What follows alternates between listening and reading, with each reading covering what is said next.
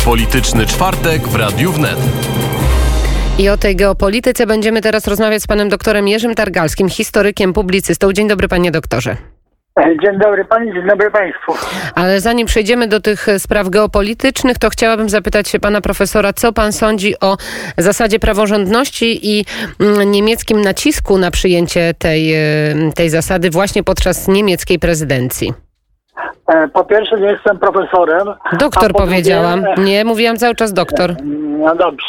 A po drugie, wie pani, sama zasada praworządności nie jest zła pod warunkiem, że to my będziemy decydowali, co jest praworządne i wtedy ustalimy natychmiast, że e, największy brak praworządności cechuje e, Republikę Niemiecką. Także e, jeżeli my będziemy o tym decydowali, to proszę bardzo.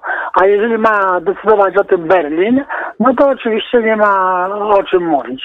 Ale sam pan słyszy, co pojawia się z ust opozycji. Dlaczego my i tylko Węgry i ewentualnie Słowenia są przeciwne tej zasadzie? Wszyscy inni potulnie wyrazili zgodę. No i będą te, tej zasady praworządności mniej czy bardziej się stosować. Dlatego, że inni nie czują się w tej chwili zagrożeni przez Berlin, ponieważ zostali przez Berlin zneutralizowani. Są zależni od Niemiec. E, e, Wiedzą, że jakiekolwiek próby buntu skończą się takimi samymi atakami jak na Polskę i Węgry. E, Ci politycy są powiązani w rozmaity sposób z establishmentem w Brukseli, liczą na dalsze kariery i dlatego interesy ich e, narodów, ich państw ich nie za wiele obchodzą. E, Poza tym też reprezentują e, tę lewicową orientację, która obecnie e, jest, e, e, no, przeważa, jest obecna w przeważającej części w Brukseli. To jest bardzo proste rozwiązanie. A poza tym jeszcze są tacy, którzy uważają, że jeżeli Polacy wygrają, to oni na tym skorzystają bez narażania się, a jeżeli Polacy przegrają, to oni na tym nie poniosą żadnych strat. Zawsze naj, najlepiej jest, żeby ktoś inny wyciągał e, kasztany z ognia dla nas. To jest na pewno racja i mm, pan jak widzi rozwiązanie tej sprawy? Gdzie będzie Polska, gdzie będzie ten budżet i gdzie ta zasada wyląduje w koszu? Może być taki scenariusz? Nie no, e, są, to jest zasadnicza różnica, jak ja widzę, jak powinno być, a jak będzie. E, Moim zdaniem Polska skapituluje, dlatego że e, błędem zasadniczym jest e, przyjęcie strategii dogadania się z Niemcami za wszelką cenę. Otóż e, można się dogadywać z przeciwnikiem, który nas atakuje, ale najpierw trzeba go pokonać. Albo e, pokazać mu, że poniesie tak duże straty, że walka z nami się nie opłaca. I wtedy możemy się dogadywać. Natomiast przyjęcie zasady, że musimy się dogadać za wszelką cenę, e, no to musi zakończyć się oczywiście kapitulacją za każdą cenę. E, A, a jak być powinno? No powinniśmy po pierwsze zawetować, po drugie gdyby była jakakolwiek próba e, pozbycia się nas, e, zawiesić składki do budżetu unijnego e, i jeżeli pokażemy, że jesteśmy w stanie się oprzeć i jakoś e, koniec świata nie następuje, to wtedy oczywiście inni się do nas przyłączą. E, Wszyscy czekają, co z tego wszystkiego wyniknie, tak? Więc trzeba pokazać e, siłę, no ale z tego punktu widzenia ostatnie pięć lat e, było zmarnowane, a zwłaszcza e, okres po wystąpieniu premier Beaty Szydło w Parlamencie Europejskim. Ten czas był zmarnowany, ponieważ właśnie panowała zasada dogadania się za wszelką cenę, a nie obrony za wszelką cenę naszych interesów. To bardzo ciekawe, co pan mówi, bo mm, pewnie na stole leży, nie wiem czy, czy leży, ale mogłaby ewentualnie leżeć y, znowu mm, jakaś wizja rozpadu koalicji. Mówię tutaj o dobrej zmianie, bo przecież minister Zbigniew Ziobro napisał list do premiera Mateusza Morawieckiego. W bardzo mocnych słowach wypowiada się jego Solidarna Polska właśnie na temat tego, żeby jednak e, weto utrzymać. Ym, Podejrzewa pan, że to może być właśnie, tak jak wspomniałam, znowu mm, jakaś możliwość problemów w koalicji i w, dobrej zmianie? E, Polityka polska zagraniczna wynika z polityki wewnętrznej. W momencie, kiedy PiS zrezygnował z programu reform, e, ten program reform podjęła czy raczej przyjęła Solidarna Polska, to nie znaczy, że ona by go realizowała, gdyby kierowała koalicją, ale to znaczy, że w tej chwili by się usamodzielnić e, i zdobyć, przejąć e, bazę wyborczą e, PiSu, tę twardą bazę wyborczą, musi twardo stawiać na program reform, a w skład programu reform wchodzi program reformy sądownictwa i twardego nie wobec Unii Europejskiej, więc to na pewno jest tutaj e, e, bardzo ważny element i dlatego też e, PiS cały czas szuka e, koalicjantów, którzy mogliby zastąpić Solidarną Polskę, a ponieważ tych koalicjantów nie ma i moim zdaniem nie będzie, no to e, zwycięża e, taktyka mm, na e, opóźnienie e, rozstrzygnięcia w Brukseli. Z nadzieją, że może jednak tych koalicjantów zdobędziemy, na przykład PSL, no i wtedy będziemy mogli e, się Ziobry pozbyć i wtedy już e, e, żaden szantaż, jak ustąpicie, to my wystąp- wystąpimy z koalicji, nie będzie niebezpiecznie. Powiedział pan o roli Niemiec, powiedział pan o tym, jak Niemcy mają silne wpływy i większość państw nie chce z nimi wchodzić w żadne konflikty. To jest pewnie też nawiązanie do tego, co mówiła y, i co przedstawia minister obrony Niemiec. Mówię tutaj o Annegret Kamp Karen Bauer, Karen Bauer. tak, która mówi o takim nowym ładzie, o takim nowym otwarciu pomiędzy Niemcami i Stanami Zjednoczonymi.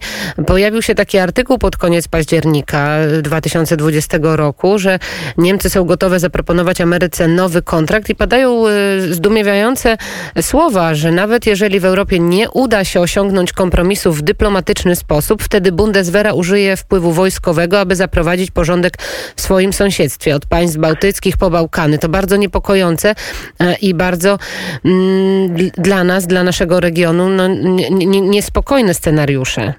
To znaczy, trzeba sprecyzować, to artykuł to była rzecz wtórna.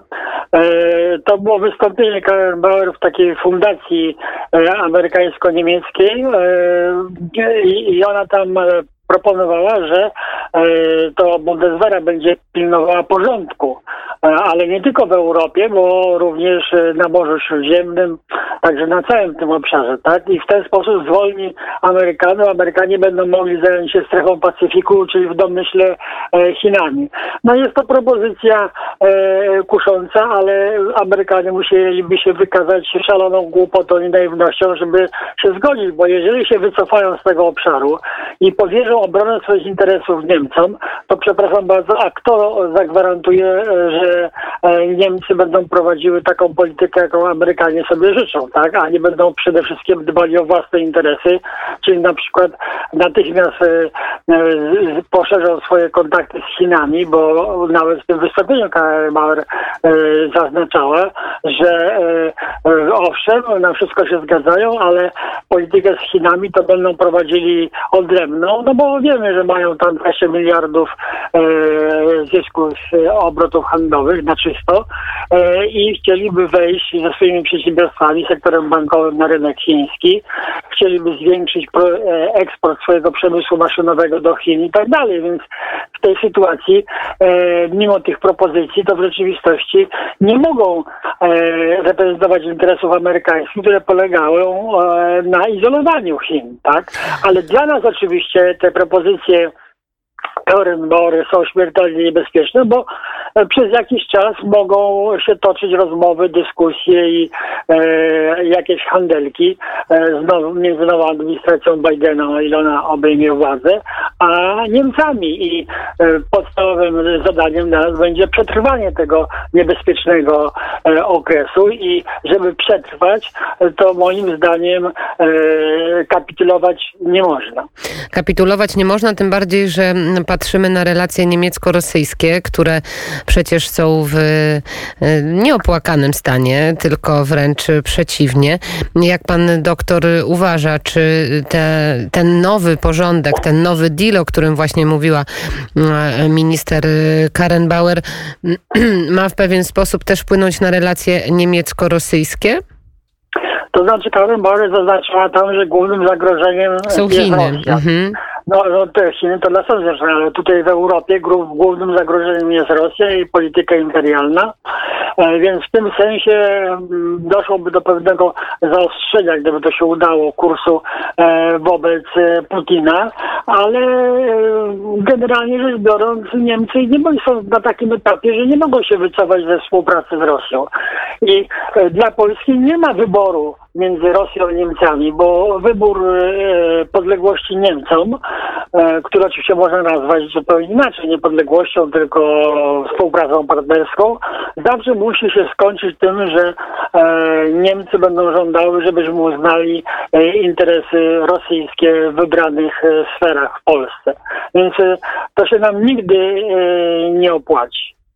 To jest także mm, pewne zagrożenie dla mm, całej inicjatywy Trójmorza i jeżeli ten scenariusz, o którym rozmawiamy, m, mógłby się sprawdzić i nowa administracja Joe Bidena, jeżeli obejmie już oficjalnie w styczniu urząd prezydenta, to no właśnie, panie doktorze, czy Trójmorze jest pod dużym znakiem zapytania w takiej sytuacji? To może tak naprawdę na obecnym etapie jest cały czas pod znakiem zapytania, dlatego że e, ta integracja e, nie przekroczyła e, na pewnej granicy samodzielności, tak? Cały czas e, może, gdzie obserwatorem e, jest, e, są Niemcy, e, jest po prostu przygotowaniem do realizacji Mitteleuropy, bo Trójmorze, w którym prawie wszystkie państwa są zależne od Niemiec, e, może być tylko Mitteleuropą. E, a że będzie się nazywało Trójmorze, to nie ma żadnego znaczenia. Ważne jest, że będzie kontrolowane przez Niemcy, bo bez Stanów Zjednoczonych Trójmorze natychmiast staje się e, przedłużeniem wpływów niemieckich. Mm, Panie doktorze, a jak pan patrzy na te relacje Unii Europejskiej z Rosją, w, w, oczywiście w kontekście też Białorusi, czy Rosja nie wygrywa e, w, w swoim całym za- zachowaniu, bo jakby nie widzimy spójnej takiej jednej strategii wobec e, Rosji. Nie ma wypracowanej takiej polityki Zachodu wobec Moskwy, a także w kwestii Białorusi.